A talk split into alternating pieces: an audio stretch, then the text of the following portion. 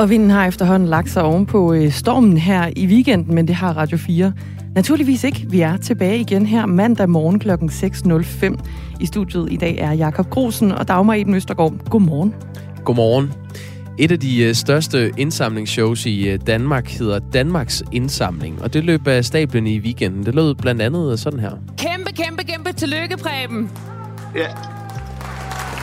Ja, tusind, tusind tak. Stor bifald herfra. Preben var en af de heldige, øh, og selvom øh, 1,5 millioner mennesker kiggede med, så er det øh, svært at få nogen til at donere hovedpræmier. Det er så svært, at man, når man gerne vil udlåde en hovedpræmie på Danmarks Indsamling, så vil man gerne have nogen til at donere for eksempel en bil. Men indsamlingen selv blev nødt til at købe præmierne ind. I år er det derfor første gang nogensinde, at præmierne er blevet købt ind til fuld pris. Det løb op i seks biler, det kostede 2,7 millioner kroner for Danmarks indsamling. Og klokken øh, 20 minutter over 6 her til morgen taler vi med formanden for Danmarks indsamling om, hvordan det kan være, at det er så svært at få nogen til at donere øh, ting, man kan vinde. Og hvorfor man så ikke i stedet udlodder noget, som øh, man kan få nogen til at donere. Transportminister Benny Engelbrecht får hård kritik fra regeringens støttepartier efter at have tilbageholdt tal for CO2-udledning i forbindelse med et omfattende infrastrukturprojekt for, to, for år 2035. Og en af kritikerne, det er SF, og dem taler vi med efter nyhederne klokken halv syv her i Radio 4 morgen. Og fra en øh, politisk storm, så til stormen Malik, som i, virke, i weekenden i virkelighedens verden hervede øh, hele landet. Det er den første storm, der nogensinde har fået den øh, meteorologiske betegnelse, øh, eller der har fået betegnelsen storm siden 2016, hedder det. Og øh, det resulterede i, at broer blev lukket, og øh, haver blev oversvømmet, og der er meldinger om øh, flere til skadekommende, og også et enkelt dødsfald. Vi kommer til at få en status fra øh, dem, der kæmpede mod stormen her i landet. Og vi vil også gerne høre fra dig, hvis du er blevet berørt af Malik øh, i en eller anden øh, nævneværdig grad, så må du gerne skrive ind. Ja tak. 1424 hedder sms'en. Du starter med R4, laver et mellemrum og sender den afsted herind. Tilbage er der bare at sige uh, godmorgen. Det bliver en god morgen her på januars yderste dag. Vi skriver den 31. januar, og her i studiet er altså Dagmar Eben Østergaard og uh, Jakob Grosen. 8 minutter over 6. Samlet front mod Euro Incasso. Sådan lyder en Facebook-gruppe, som tæller 337 medlemmer, og som retter kritik mod parkeringsselskabet Europark. Gruppen er øh, samlet øh, på baggrund af en parkeringsafgift, som ingen af medlemmerne mener at have modtaget. Øh, fælles for gruppens medlemmer er, at øh, første gang de hører om den her parkeringsafgift, øh, det er da de modtager rykker nummer 4. Altså en stor regning og en besked om, at hvis øh, de ikke betaler, så ryger de i RKI. Og nu vil gruppens medlemmer i fælles front politianmelde parkeringsfirmaet bag, som er Europark og firmaets tilknyttede en kassoafdeling. Palle Katrin Rasmussen er initiativtager til uh, Samlet Front mod Euro Incasso. Godmorgen til dig, Palle. Godmorgen til jer. Du har selv modtaget den her fjerde rykker for en uh, parkeringsafgift. Vil du ikke lige kort til en start rise uh, dit forløb omkring den her afgift op? Øh, jo, det kan jeg godt. Mit øh, forløb har været fuldstændig helt identisk med øh, gruppens øvrige 336 medlemmer. Øh, det foregik sådan, så at vi havde til synlædende øh, fået en parkeringsafgift. Den sad godt nok ikke i vores rode, men øh, nu kan vi jo lade, lade alt tvivl komme anklaget til gode. Den kunne jo være blæst væk, eller nogen kunne have fjernet den. Og øh, så hørte vi egentlig ikke mere, og lige pludselig i vores postkasse en dag, så lå der en fjerde rykker med retsgebyr og trykker om RKI, øh, eller trusler om RKI, og hvad har vi ellers? Og lige pludselig så var den her afgift steget fra de her en, en, en 600 kroner, som en kontrolafgift er, til til lidt over 3.000 kroner. Øhm, og det var jo Davids kamp mod Goliath, og man tænkte, hold op, det står jeg jo alene med det her, hvad skal jeg gøre? Og øh, det er desværre sådan, at, øh, og det er der ikke mange forbrugere, der ved, at øh, når det drejer sig om postomdeling, så er der omvendt bevisbyrde. Det vil sige, at det er dig som forbruger, der skal bevise, at du ikke har modtaget brevene. Det er ikke dem, der har sendt brevene, der skal bevise, at de har sendt det. Meget, meget mærkeligt. Altså alle andre steder gør det sig jo gældende, for eksempel hvis du får en opsigelse eller et anbefalet brev eller noget som helst andet, at så er det selvfølgelig den, der sender brevet, der skal bevise det. Men sådan er det ikke inden for parkeringsverdenen. Hvordan vil du bevise, at du ikke har modtaget de her breve med, med, med opkrævningerne? Jamen, øh, i starten var der, jeg kunne jo ikke bevise rigtig øh, noget. Jeg gjorde jo det, jeg ringede til, øh, jeg ringede til vores lokale øh, postkontor. Jeg var, var ude at have fat i, jeg har boet på matriklen her i 18 år. Jeg var ude at tage fat i det postbud, der har leveret mit, min post de sidste 18 år, hørt hende, om der havde været en afløser eller en vikar, eller og der skulle være en chance for, at der var noget blæst væk, og hun sagde aldrig nogensinde. Altså, det, altså, du ved, et brev måske, men jo ikke, ikke, ikke fire på hinanden efterfølgende skrivelser. Øhm, og så lavede jeg en, en, jeg kunne ikke rigtig gøre så meget andet, så lavede jeg en sur review inde på det, der hedder Trustpilot. Og, øhm, og så begyndte folk sådan drøbvis at skrive til mig og sige, at de havde faktisk oplevet det samme, øh, fordi jeg efterlod min mailadresse og sagde, at hvis der var nogen, der skulle opleve det samme, så skriv til mig, for jeg synes godt nok, det var påfaldende. Måtte jeg da indrømme, jeg synes, det var underligt. Og øhm, for 14 dage siden, da vi lavede det første radiointerview, der var vi 30 mennesker og tænkte, wow, hold det op, det var da alligevel vildt, vi er 30. Her til morgen, der er vi altså 337 mennesker. Øh, og tallet, det går kun en vej, og det er op, op, op, op, op, i takt med medierne skriver om det. Altså, Så, øh, øh, Palle Katting Rasmussen, for lige at, at, få det her skåret ud i pap, vil det sige, at der, der er 337 medlemmer i den her gruppe, som øh, samstemmende kan fortælle om, at, at I ikke har fået en...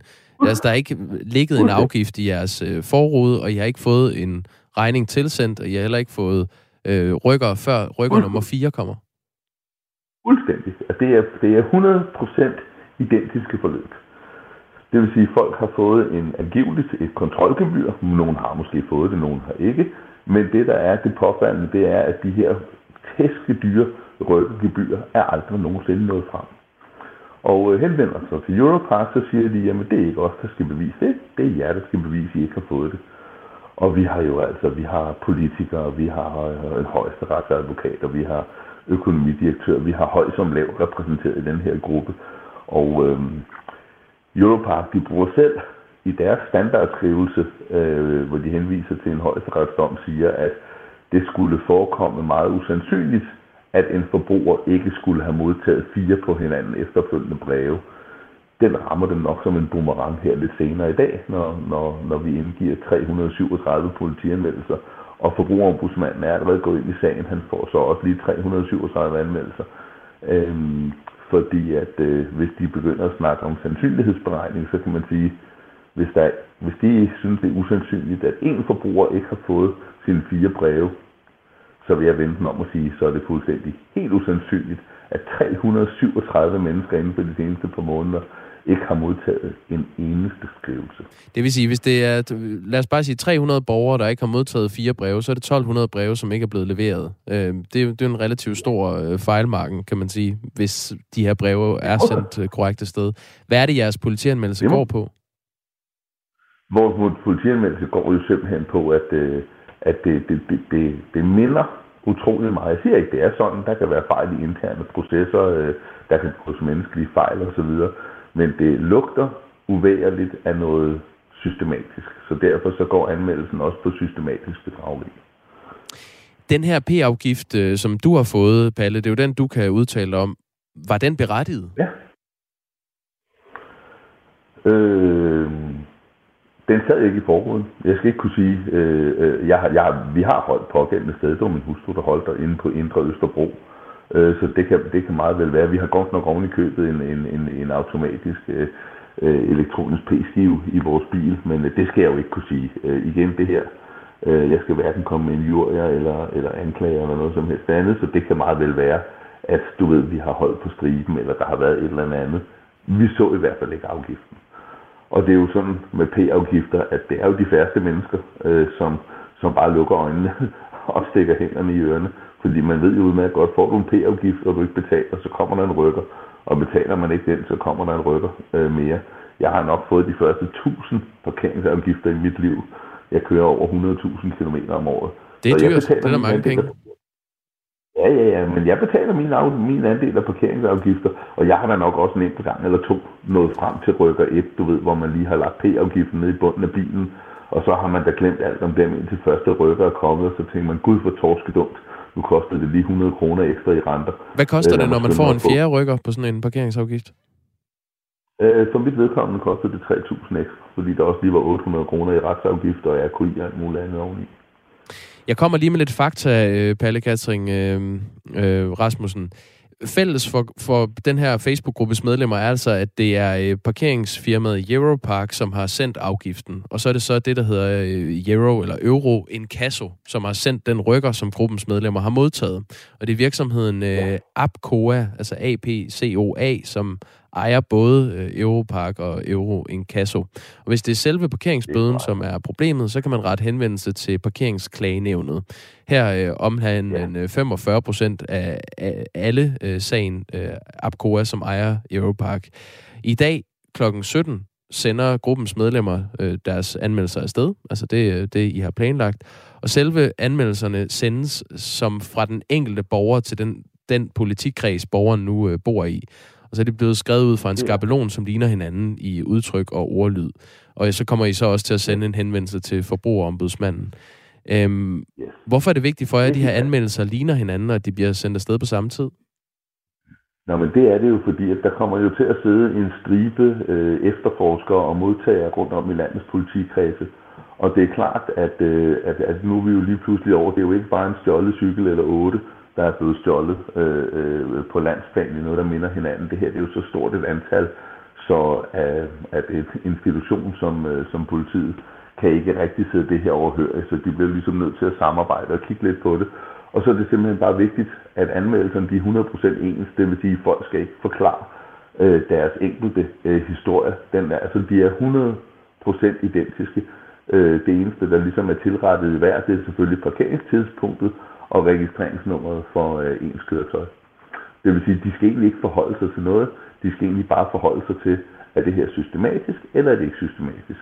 De skal have indhentet nogle øh, udtalelser inden fra øh, Europark. Og Europark, de er nok begyndt at, at mærke jorden brænde en lille smule under sig, fordi at øh, de sidste par dage, der er sket det, ud over forbrugerombudsmanden har sendt den første øh, sag videre til øh, politiet, øh, så øh, har øh, øh, så har Netto, Dansk Supermarked, de har simpelthen krævet, øh, at en af dem fra gruppen, øh, som havde henvendt sig direkte til, øh, til Salling Group, fik øh, trukket sagen tilbage. Europart siger, at man kan ikke trække en inkasso-sag tilbage, når den først kører. Men øh, når man er Salling Group, så, så, er man, så er man den store.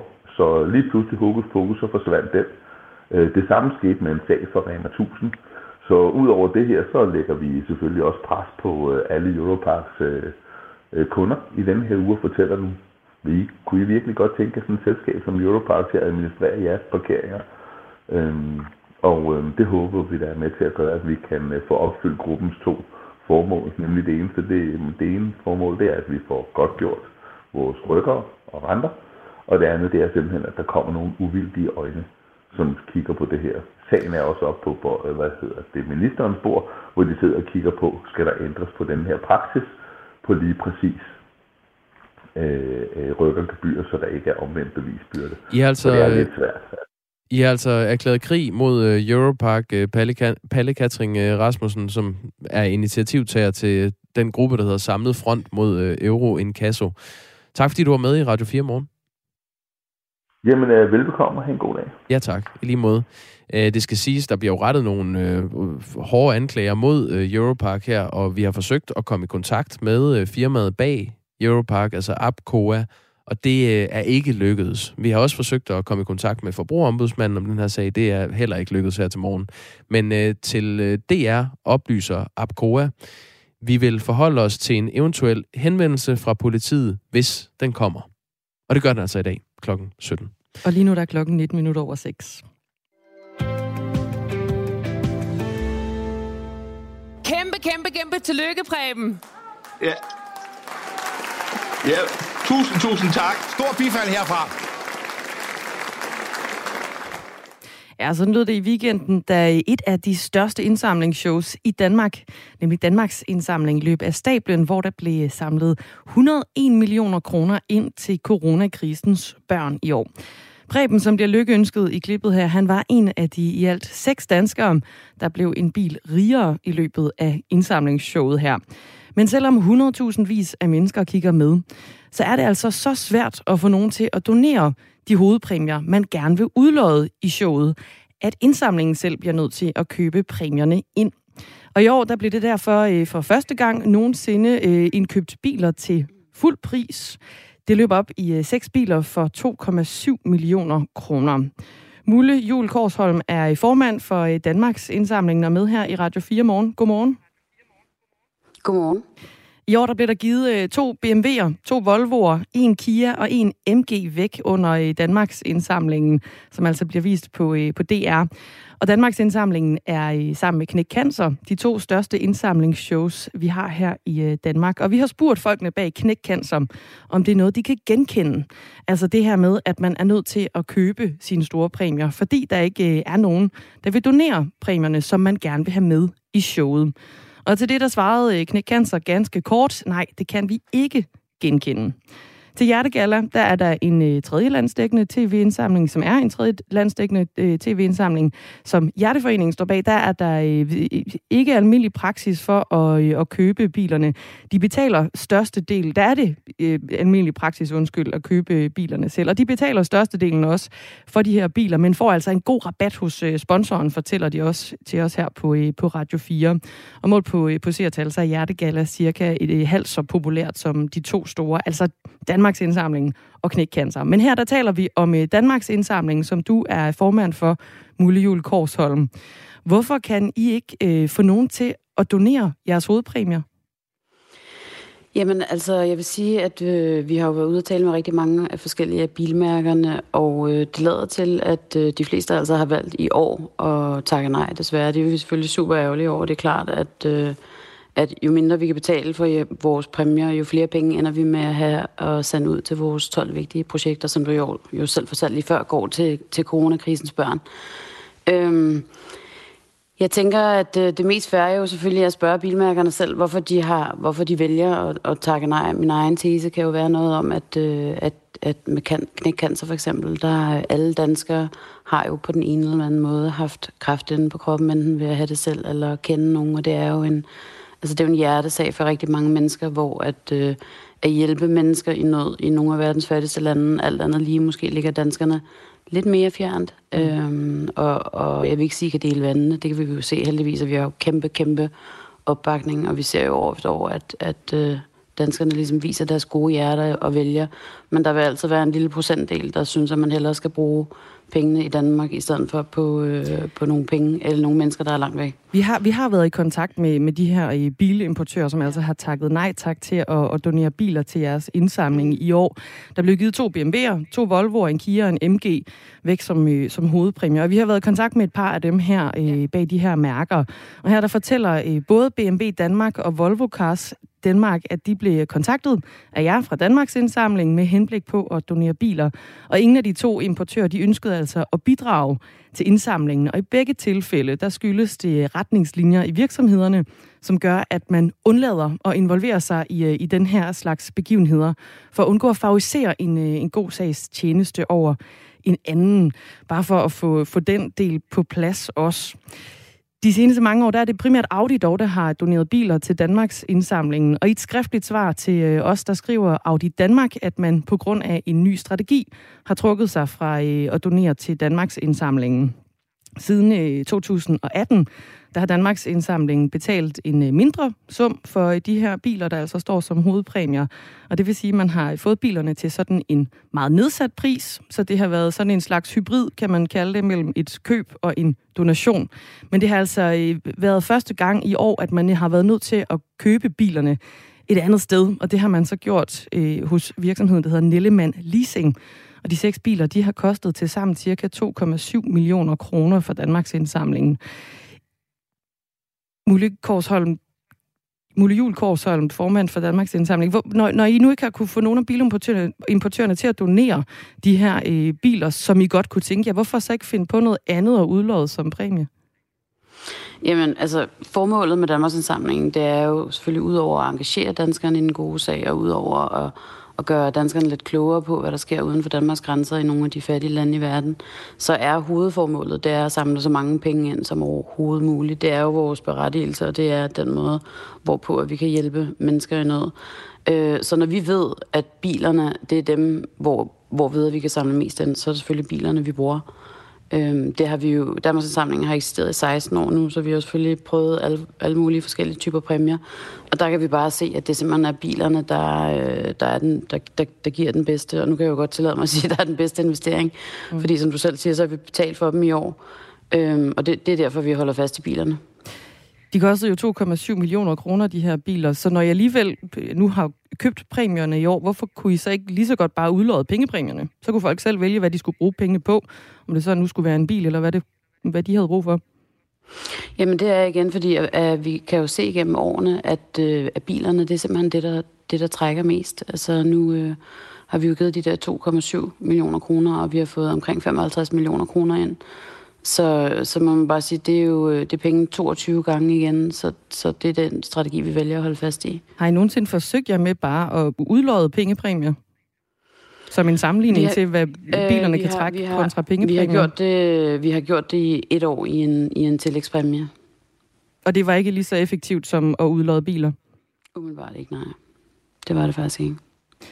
Ja, der blev altså givet øh, øh to BMW'er, to Volvo'er, en Kia og en MG væk som, øh, som hovedpræmie. Og både BMW Danmark og Volvo Cars Danmark, de er altså ærgerlige over, at I hos Danmarks indsamlingen alligevel har valgt at bruge deres biler i showet, når de har takket nej. Hvad for nogle overvejelser har I haft øh, i forhold til alligevel at købe biler fra de her brands, når de nu har afvist at donere til Danmarks indsamlingen? Jamen, vores, øh, vores formål, som er, en undskyld, at gentage mig det er jo at samle så mange penge ind som muligt, og der kan vi jo se, at de her biler, de er super attraktive. Og det er nogen, som danskerne jo rigtig gerne vil, vil køre i. Øh, og så derfor så har vi så valgt at købe bilerne, i stedet for at få bilerne foræret. Men når de nu har valgt at takke nej, hvorfor går I så ind og køber dem alligevel? Altså, så vidt jeg ved, har de takket nej til at donere bilerne. Øh, jeg, jeg tror sådan set, at det er jo de fleste frit stillet at, at købe en bil. Så, så vi, har valgt at, vi har valgt at gå videre med dem, fordi det er nogle, nogle, ja, det er nogle attraktive biler, som, øh, hvorpå at vi kan få mange projekt, øh, penge til vores projekter. Mm. Volvo Cars Danmark de skriver til os i et, øh, et mailsvar, i forbindelse med indsamlingen blev vi ganske sent gjort opmærksom på, at vores biler indgik i præmiepuljen, og at disse var blevet indkøbt gennem et leasingselskab. Vi rettede derfor henvendelse til indsamlingen og bad dem om at gøre det tydeligt for forbrugeren, at denne præmie ikke er doneret af Volvo Car Danmark. Det samme forløb, det kan BMW Danmark genkende, og det skal så lige i den forbindelse siges, at efter henvendelsen fra Volvo Cars Danmark, så bliver der skrevet på Danmarks indsamlingens hjemmeside, at bilerne de var købt. Hvis I kunne, ville I så i virkeligheden helst undgå at skilte for meget med, at I rent faktisk ikke kan få doneret de her eh, præmier, som I godt kunne tænke jer at udlåde Mulle Jul Korsholm?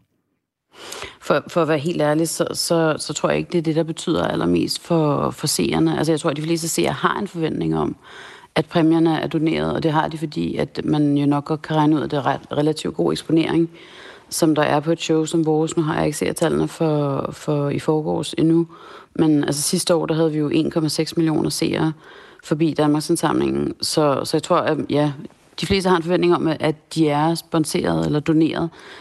Øh, vi har hverken nogen interesse i at, at sige, at de, de er det eller ikke er det. Vi har forholdt os til retningslinjerne og skrevet det, hvor vi kunne, at vi selv har betalt for bilerne. Så er det helt klart og gennemsigtigt, hvad der foregår.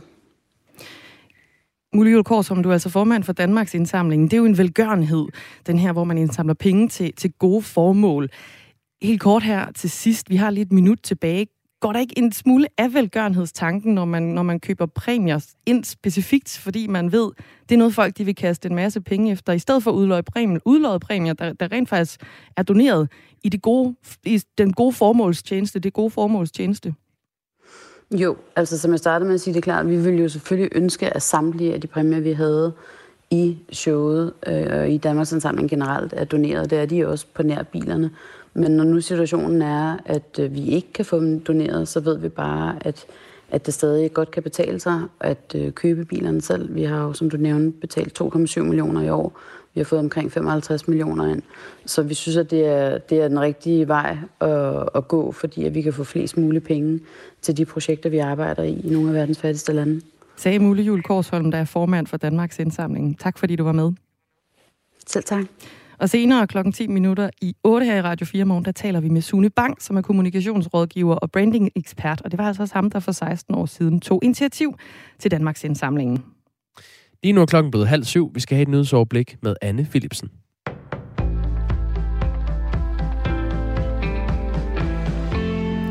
Mm. Vandstanden er nu på vej ned efter, at stormen Malik har raset i løbet af weekenden.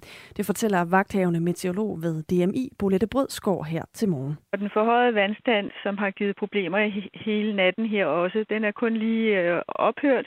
Vi har afvarslet de sidste øh, steder her for et par timer siden, og vandet er nu faldende alle steder. Og det vil sige, at der er stadigvæk noget mere vand, end der plejer at være, for eksempel i Isefjorden og Roskilde Fjord, men også ned i Storebælt og på, på nordkysten af Fyn.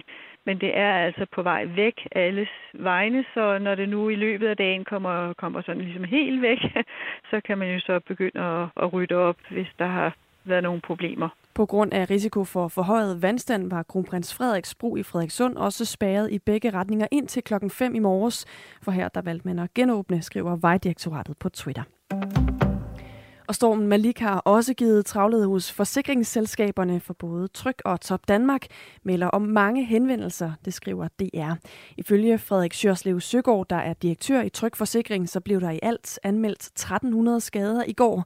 Også Top Danmark fortæller om mange anmeldelser med op til 300 anmeldelser i timen i løbet af dagen i går. Flere steder i landet der blev der registreret vindstød over orkanstyrke, da stormen rasede. Både de øverste chefer i politiets efterretningstjeneste og forsvarets efterretningstjeneste skal vidne i sagen om den terrordømte Ahmed Samsam. En række chefredaktører er også indkaldt som vidner. Det fortæller Erbil Kaja, der er forsvarsadvokat for Ahmed Samsam til Berlingske og DR. Anne-Sophie Felt fortæller. Vidnerne skal være med til at belyse nogle møder mellem parterne, hvor sagen om Samsam angiveligt skulle være blevet nævnt. Det fortæller forsvarsadvokaten. Ifølge Erbil Kaja så har efterretningscheferne nævnt Ahmed Samsams sag over for chefredaktørerne. Her skulle efterretningscheferne have sagt, at redaktørernes medier kan komme til at stå til ansvar strafferetligt, hvis de skriver mere om sagen. Forsvarsadvokaten siger til Berlinske, at han vil vide, hvorfor at sagen er blevet nævnt. Ifølge juraprofessor Frederik Våge fra Syddansk Universitet, så er det dog muligt for cheferne for efterretningstjenesterne at afstå fra at vidne i sagen. Det skyldes retsplejelovens paragraf 169, der giver dem mulighed for at nægte, hvis det er af hensyn til statens sikkerhed. Berlinske har tidligere på baggrund af anonyme kilder beskrevet, hvordan Ahmed Samsam skulle være blevet vævet af danske efterretningstjenester som agent. Danmark skulle ifølge Berlinske angiveligt have betalt Samsams rejser til Syrien, for at han kunne tilslutte sig islamisk stat med henblik på spionage. Ahmed Samsam blev idømt 8 års fængsel i 2018 ved en spansk domstol for under flere rejser til Syrien at have tilsluttet sig islamisk stat. Han nægtede sig skyldig. En smykkebutik i Indre By i København er blevet udsat for et rambuktyveri i nat, det oplyser vagtchefen ved Københavns politi. Det drejer sig om smykkebutikken Velblund, hvor en bil er bakket ind i butikkens vinduesparti. Politiet har endnu ikke overblik over, hvor der er blevet stjålet hvad fra butikken, og teknikere skal nu undersøge gerningsstedet nærmere. Men indtil videre er ingen blevet anholdt, oplyser vagtchefen. Og så et kig på øh, vejret her til øh, morgen, som er en skyet omgang med øh, lidt regn eller slud i løbet af dagen, melder DMI. Og ellers temperaturer mellem 1 og 3 graders varme, og så får vi dagen igennem en svag til jævn vind, der kommer fra nordøst. Det var nyhederne halv syv her på Radio 4 med Anne Philipsen i Nyhedsstudiet.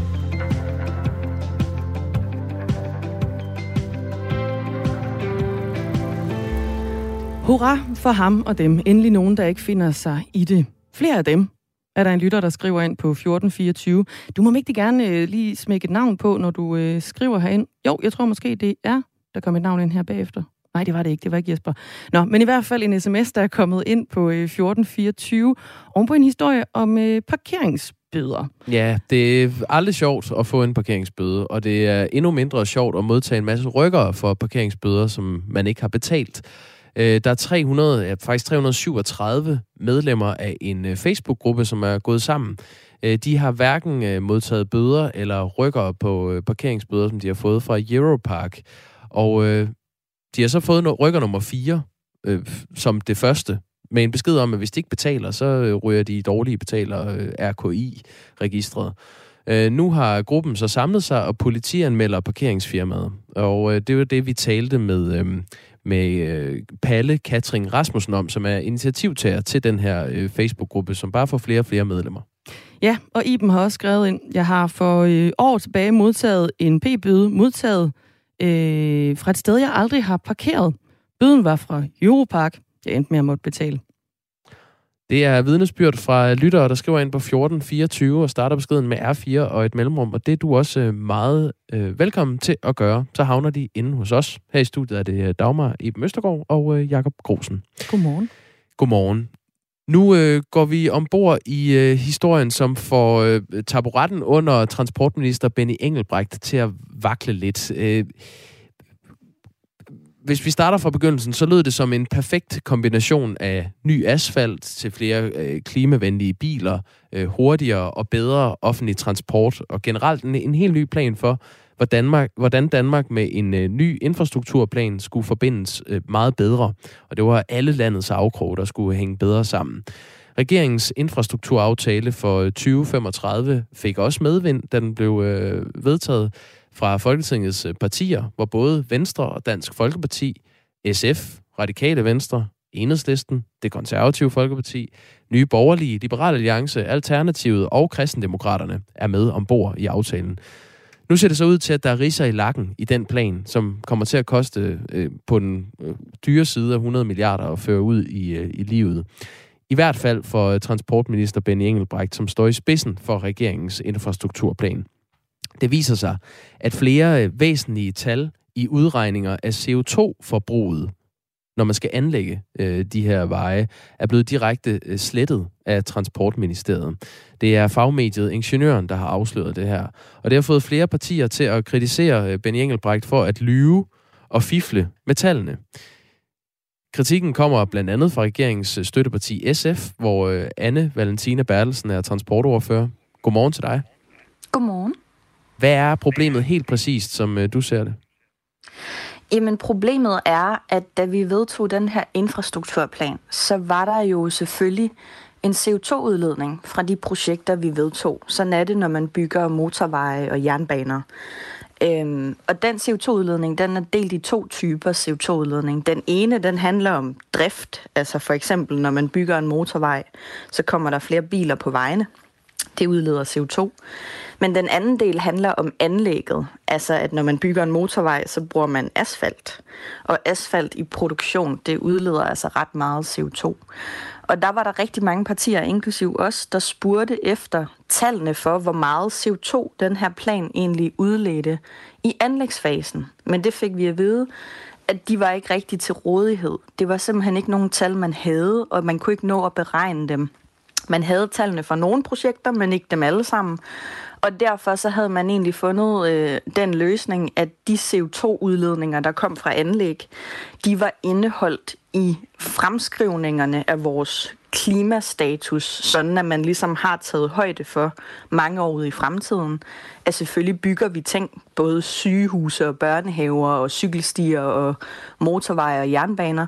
Og derfor så sagde transportministeren, der er sådan set ikke rigtig nogen mere udledning, fordi det har vi indregnet i vores 70 procents reduktionsmålsætning. Og vi pressede lidt på og prøvede at få de her tal. Det var der enormt mange, der gjorde, men det lykkedes ikke. Øh, det viser sig så nu, at de tal var der faktisk. Det er i hvert fald det, som ingeniøren har afdækket. Mm. Det forholder sig sådan, at de lå over i Vejdirektoratet, og egentlig var til rådighed, selvom vi havde, havde fået at vide, at de ikke var det. Og det er altså meget problematisk, fordi når Folketinget beder om oplysninger fra en minister, så skal han give dem. Og de her oplysninger bad vi jo ret meget om, og samtidig så står vi jo i en klimakrise, hvor det er sådan ret vigtigt at vide, hvor meget CO2 det udleder, når man bygger ting og når man beslutter ting. Ikke? Jeg riser lige kort op, hvad øh, den her infrastrukturaftale går ud på. Øh, det er jo en plan for, hvordan ny infrastruktur skal planlægges frem mod år 2035. Og det indebærer jo så blandt andet nye motorveje og hovedveje og udbygning af gamle, og en opgradering og udbygning af det danske jernbanenet og togstationer, og en massiv udbygning af cykelstyr over hele, øh, cykelstier over hele landet. Og det er selv sagt ikke øh, billigt. Altså det kommer til at koste 105 milliarder kroner at gennemføre de her nye projekter i planen, og den samlede plan kommer til at koste 160 milliarder kroner. Det er den største danske infrastrukturplan nogensinde. Øh, Anne Valentina Berlesen, nu fortæller du, at I har presset på for at få de her tal for øh, CO2-udledning, og øh, dem har I så fået at vide, at de tal fandtes ikke, har ministeren svaret ifølge flere partier, og det er det, ingeniøren har afsløret, at det er ikke sandt, altså fagbladet Ingeniøren. Øh, ingeniøren har fået agtindsigt i flere end tusind sider, som viser, at der faktisk fandtes de her beregninger, og det er beregninger, som viste store aftryk på klimaet. Og da den her aftale landede i sommeren sidste år, så brystede regeringen sig så af, at planen i sig selv var CO2-neutral. Hvorfor troede I på det?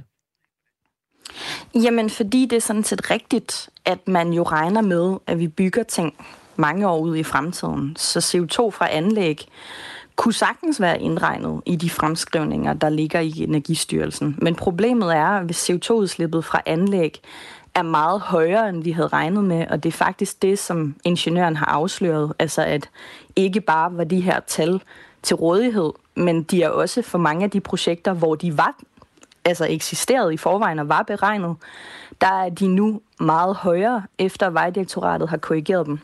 Og det vidste man allerede på det tidspunkt. Og når tallene for det her CO2-udslip er meget højere, end vi egentlig havde regnet med, så er det ikke sikkert, at det kan indeholdes i de fremskrivninger, som Energistyrelsen har lavet. Og det bliver vi nødt til at være sikre på, fordi vi har jo faktisk lavet en aftale om, at den her plan den skal være CO2-neutral minimum. Helst skal den jo være grøn, og det var jo det, vi sad og kæmpede for sammen med blandt andet enhedslisten og radikale. Og det her øh, manglende CO2-tal og muligheden for, at det er højere, end vi havde regnet med, det vælter altså måske hele regnskabet, og det er en katastrofe. Ikke? Vil du sige, at I er blevet vildledt, eller har I været naive? Jamen, det vil jeg gerne lidt høre ministerens forklaring på, fordi det, han har sagt, det er, at de her tal var ikke noget, vi udleverede, fordi de var ikke konsolideret og svære at sammenligne, siger han. Og jeg har så sagt, det vil jeg meget gerne have, at du forklarer, fordi det kan jo godt for almindelige mennesker lyde som en rigtig dårlig undskyldning. Og det er noget, som ministre indimellem siger, når de har behov for at forklare, hvorfor de ikke havde lyst til at udlevere nogle tal. Men nogle gange, så er der hold i det, og det er det, vi lige skal finde ud af. Altså, var de her tal faktisk så følsomme og så, øh, hvad kan man sige, øh, usikre, at det havde været rigtig dårligt at lade dem indgå i forhandlingerne, eller er det bare en dårlig undskyldning? Men man kan sige, hvis, hvis regeringen kan gå frem og sige, at, øh, at planen i sig selv var CO2-neutral, så må man jo kende nogle beregninger, der gør, at man kan sige det. Jamen, det baserer de jo så på CO2-udledningen fra driftsfasen. Altså, hvor mange biler genererer de motorveje, der ligger i den her plan, mere på vejene, kontra hvor mange passagerer får vi hævet over i kollektiv trafik og på cyklen, på grund af alle de jernbaner og letbaner og cykelstier, vi bygger. Jamen, der har man så ikke anlægget jo... med, altså selve det, at man skal etablere det. Så, så, så er planen jo ikke i sig selv CO2-neutral. Nej, men fordi anlægget, i hvert fald som Energistyrelsen og ministerierne har sagt, det er der allerede taget højde for. Så når vi for eksempel siger, at vi skal reducere 70% CO2, og vi er nået på nuværende tidspunkt de 55 procent af dem, så ligger der i det regnestykke, at man har taget højde for, at der bliver bygget den her mængde motorveje og jernbaner og cykelstier i fremtiden, ligesom man har taget højde for, at der selvfølgelig også bliver bygget børnehaver og sygehuse osv. Øhm, så på den måde, så er der ikke en mere udledning. Det er i hvert fald det, der har været argumentet, og det kan vi også se i ingeniørens agtindsigt, at det bekræfter Energistyrelsen. Spørgsmålet er så bare, når CO2-udledningen er højere, end vi havde regnet med, om den stadigvæk er indeholdt i de fremskrivninger, og om der så stadigvæk ikke er en mere udledning. Fordi det kan vi ikke være sikre på, når nu tallene er højere og til stede for flere af projekterne. Fortryder du, at I gik med i den her øh, plan? Nej, det gør jeg ikke, altså fordi øh, vi har jo kæmpet enormt mange ting hjem, der var virkelig vigtige, netop for klimaet. Altså vi kunne se, da Vejdirektoratet præsenterede de forskellige muligheder for, hvordan man kunne sammensætte sådan en plan for os, der sagde de, hvis man bruger alle pengene på motorvej, så er det altså ikke særlig godt, fordi så får man mange flere biler på vejene, og det bliver en ikke særlig CO2-neutral pæn. Den belaster faktisk øh, klimaet ret meget. Men hvis vi bruger nogle flere penge på kollektiv trafik og cyklisme, jamen så betyder det, at CO2-udslippet bliver mindre, og faktisk får vi måske en plan, der bliver en lille smule grøn. Og det var det, vi sad og kæmpede for. Vi kæmpede for Silkeborgbanen og letbaner og cykelstier og batteritog til lokalbanerne. Der er jo dieseltog på mange af dem lige nu, og det er jo nogle af de ting, vi lykkedes med, og det er ret vigtigt.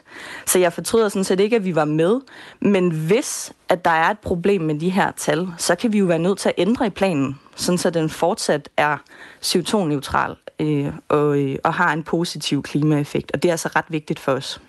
Den samlede plan koster altså 160 milliarder kroner, og øh, enhedslistens øh, politiske ordfører øh, Maj Villersen har indkaldt transportminister Benny Engelbrecht til et hastesamråd om de her beregninger for øh, CO2-aftrykket i infrastrukturplanen.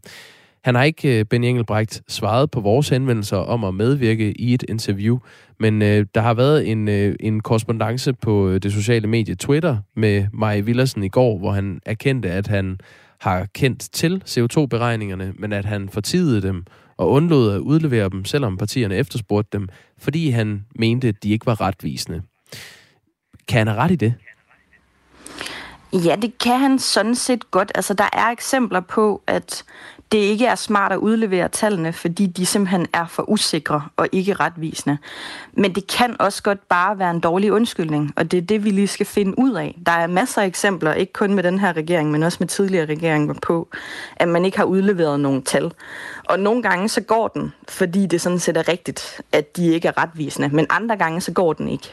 Og det er derfor, den her sag er rigtig alvorlig. Vi skal ligesom have fundet ud af, de her tal, hvor retvisende er de, og øh, kan man forsvare fra ministerens side, at han ikke har udleveret dem i første omgang, og i anden omgang, når vi så beder om de her tal, burde han så ikke sige, dem er vi i gang med at lave, men de er simpelthen for usikre til, at de kan indgå i de her forhandlinger, i stedet for bare at sige, at dem har vi ikke. Benny Engelbrecht har nu øh, hastindkaldt støttepartierne, og det er herunder dit parti SF til øh, krisemøde i de kommende dage. Har du, øh, Anne Valentina Bertelsen, altså transportordfører for SF, har du tillid til Benny Engelbrecht som transportminister? Forløbig så vil jeg gerne have en forklaring. Og så må vi se, om jeg har tillid derefter. Vi har et øh, møde den 9. februar, som er for alle partierne, som er involveret i det her. Og så har vi også øh, i SF et møde med transportministeren i løbet af ugen. Det er der flere andre partier, der har, hvor vi selv får lov til at stille spørgsmål og, øh, og rive og flå lidt i de løse ender af den her forklaring. Så der bliver rig mulighed for øh, at prøve at se, om, øh, om han kan give en forklaring, som er valid nok, samtidig med at enhedslisten jo også har indkaldt det her hastesamråd. Det ser vi også meget frem til. Og så må vi se, hvad der kommer ud af det. Altså, jeg kan godt lide, at en minister får lov til lige at give sit syn på sagen, før at vi trækker tæppet væk under ham. Men der er ikke nogen tvivl om, at, det her er meget alvorligt. Tak fordi du var med i Radio 4 morgen. Jamen selv tak. Anne Valentina Bertelsen, som er transportordfører for øh, SF. Og det er altså i de kommende dage, at støttepartierne er indkaldt til øh, krisemøde. Klokken er 12 øh, minutter i syv. Du lytter til Radio 4 morgen.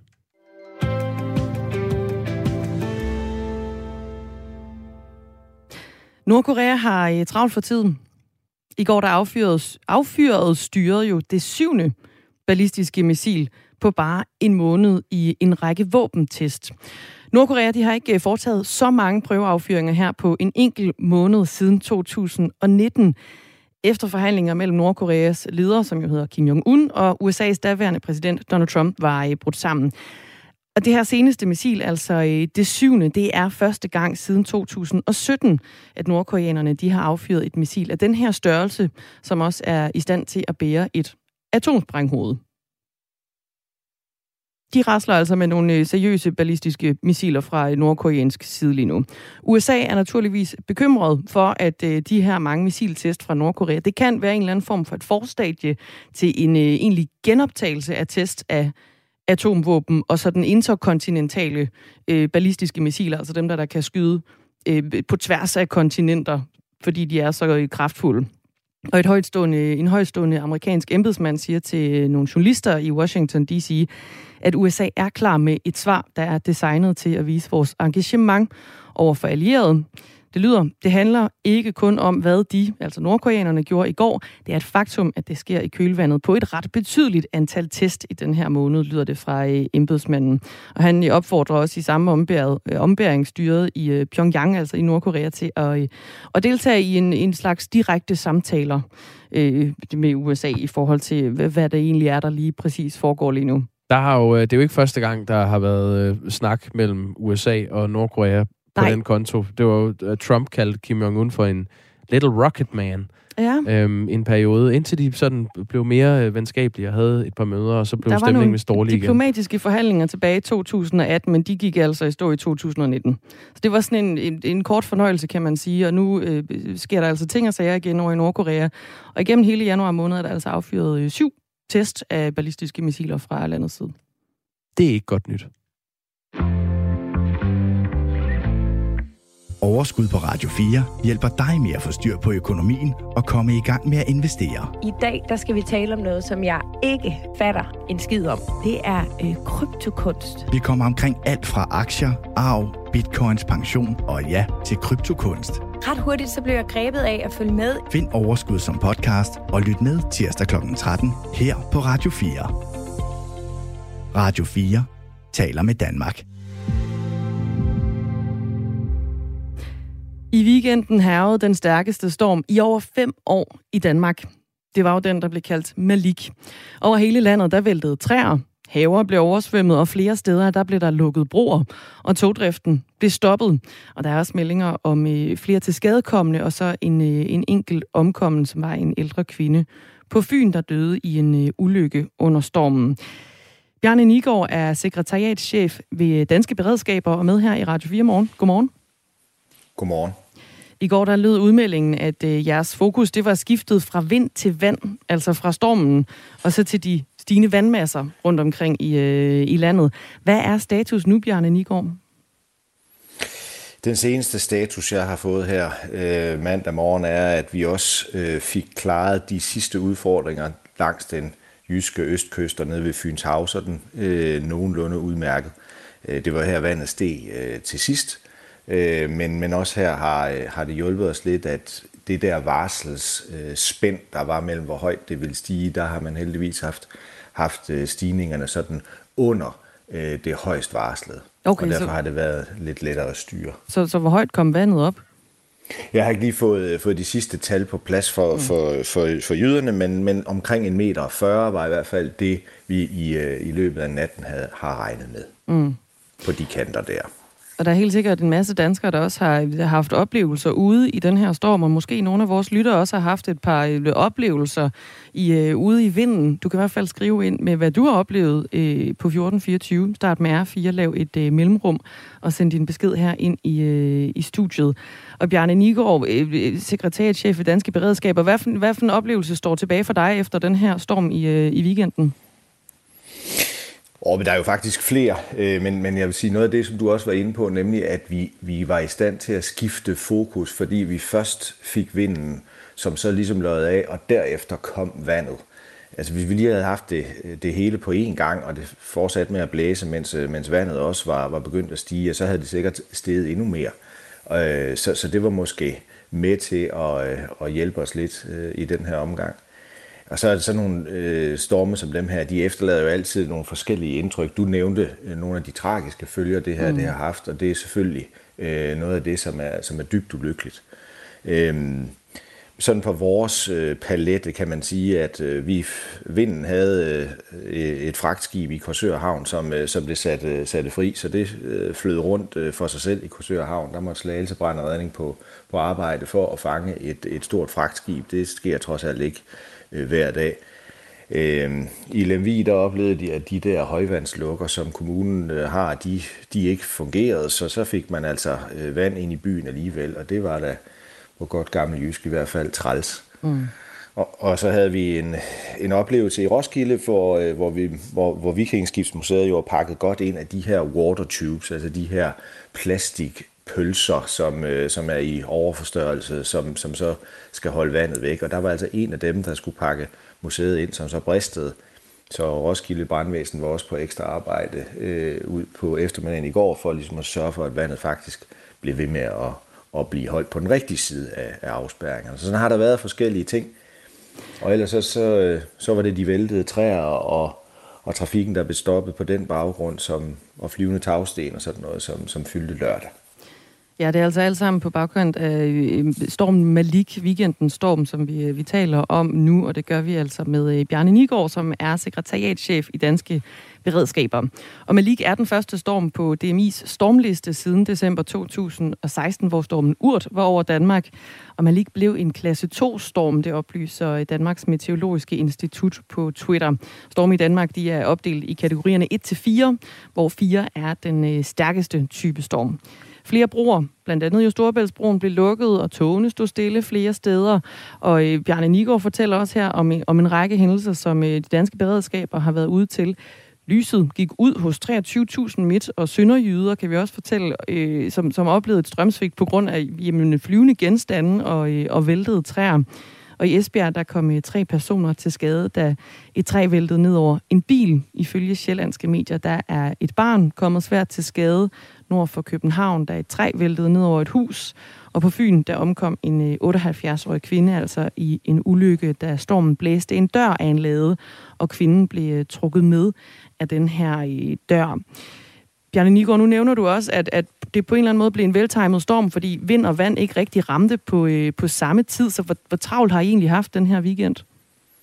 Der er ingen tvivl om, at øh, vores dygtige folk, de, øh, de har haft støvlerne på øh, hele weekenden, og de har løbet stærkt. Øh, fordi det, det er klart, at øh, vores forberedelser, de begyndte jo sådan set allerede øh, fredag, øh, for nogens vedkommende måske endda torsdag, fordi vi, vi, vi var jo varslet om det her og det betyder også, at man allerede der begyndte at kigge på, jamen i det og det scenarie med, med, med de og de beregninger, hvor er så det svageste led? Det er her, vi skal gardere os, det er her, vi skal have lagt nogle mobildæmninger op og nogle pumper klar. Så det har man, det har man brugt tid på at forberede. Men, men en ting er teorien, og når så virkeligheden rammer, jamen så er der jo behov for at justere, og der er også behov for folk til at, til at tage et vagtskifte og, og til at holde lidt ekstra fast i alle de her mobildæmninger. Så, så der har været mange folk i gang hen over den her weekend, og også i flere skift. Så, øh, så der er nogen, der, der er trætte her til morgen, det er der ingen tvivl om. Ja, der var altså 1800 brandmænd kaldt ind hen over weekenden, og mange af dem er jo deltidsbrandmænd, der har et arbejde, som jo så skal møde på deres øh, almindelige job, kan man sige, her, øh, her til morgen. Mm. Bjarne Nigård, sekretariatchef ved Danske Beredskaber, tak fordi du var med. Velbekomme. Ja, det skal jo siges, når vi opridser, hvad der skete i weekenden, så øhm, var der flere steder, hvor...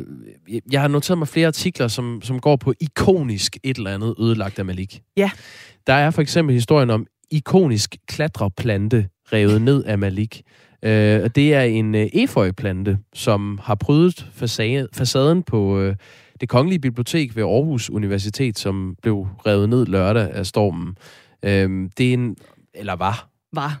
Den ligger nu, øh, tænker jeg, rundt om bygningen på en eller anden måde, i sådan en, en stor bladpølse. Ja, øh, 60 kvadratmeter stor for at være helt præcis, og den kunne altså ikke klare øh, vindstød af orkanstyrke, så nu er øh, muren helt bar på det kongelige bibliotek ved Aarhus Universitet. Og det er jo sådan en, øh, hvis man lige skal sætte et par ord på den bygning, det er jo et, et meget højt tårn, som er lavet uden af vinduer. Øh, uden vinduer, gule mursten, og så bare et højt, højt, højt, højt, højt gult tårn, mm. sådan set. Kendt som bogtårnet Lige præcis. Så det bryder på en eller anden måde med lidt grønt. Brydede. Brydede. der, der var en gang. Der er i hvert fald, øh, ja, den, den er ikke mere. I øh, Charlottenlund væltede et træ lørdag aften ned i et hus og forårsagede øh, store skader, og det resulterede i, at alle husets øh, beboere blev kørt til tjek på hospitalet. Det oplyser øh, Nordsjællands politi. Der var ikke nogen meldinger om alvorligt til skadekommende, men uanset hvad, har det da været voldsomt ubehageligt at være i det hus Det var øh, lørdag aften. vilde billeder i hvert fald også, der kom ud derfra. Det er jo nærmest et hus, der er hugget i halv. Ja, hen, ikke? jo. Øh, en, som har fået en på Singadusen, det er Jeanne d'Arc. Øh, hun... ja, en øh, helgeninde øh, fra Frankrig, som øh, har stået meget igennem, og det har nu også en skulptur af Jeanne d'Arc, som øh, står i Ørstedsparken i København. Jeg, jeg er ikke klar om den står lige nu, fordi den væltede. den er blevet rejst? Hun fik et træ i hovedet, et kæmpestort Åh. træ, øh, lige ned i, i på den øh, sten, som den her skulptur øh, sad på. Det er jo sådan, Jeanne d'Arc var en bondepige, blev født i 1412 i øh, Frankrig. Nu sidder jeg lige og sætter ild i pipen, bare lige for, for at oprise, hvem hun var. Og øh, på det tidspunkt var 100-årskrigen på sit 90. 20. år, og Jeanne d'Arc blev ved sin fødsel automatisk en del af krigen. Så blev hun senere herrefører, led en tragisk skæbne, hvor hun som 19-årig blev brændt på bålet. Og nu, øh, knap 600 år siden, senere, har hun så fået et gok i nøden i øh, hos Ørstedsparken. Ja. Så det var, det, det var historien om den ikoniske skulptur, som væltede. Og det var så i København. Altså flere ikoniske øh, omvæltninger her i, øh, i vinden hen over øh, weekenden, hvor Malika altså ramt. Du kan selvfølgelig også skrive ind, hvis du har øh, oplevet et eller andet i baghaven. Det kan være, at trampolinen har taget sig en tur. Skriv ind på 1424, start med R4, lav et mellemrum og send beskeden herind i studiet til Jakob Grosen og Dagmar Eben Østergaard. Vi kommer til at tale senere på morgen med Tony, som øh, oplevede, at øh, hans cykelskur med fliser og cykler og hele pivetøjet fløj over i naboens øh, hus. Mere om det lidt senere. Klokken er blevet syv. Du lytter til Radio 4.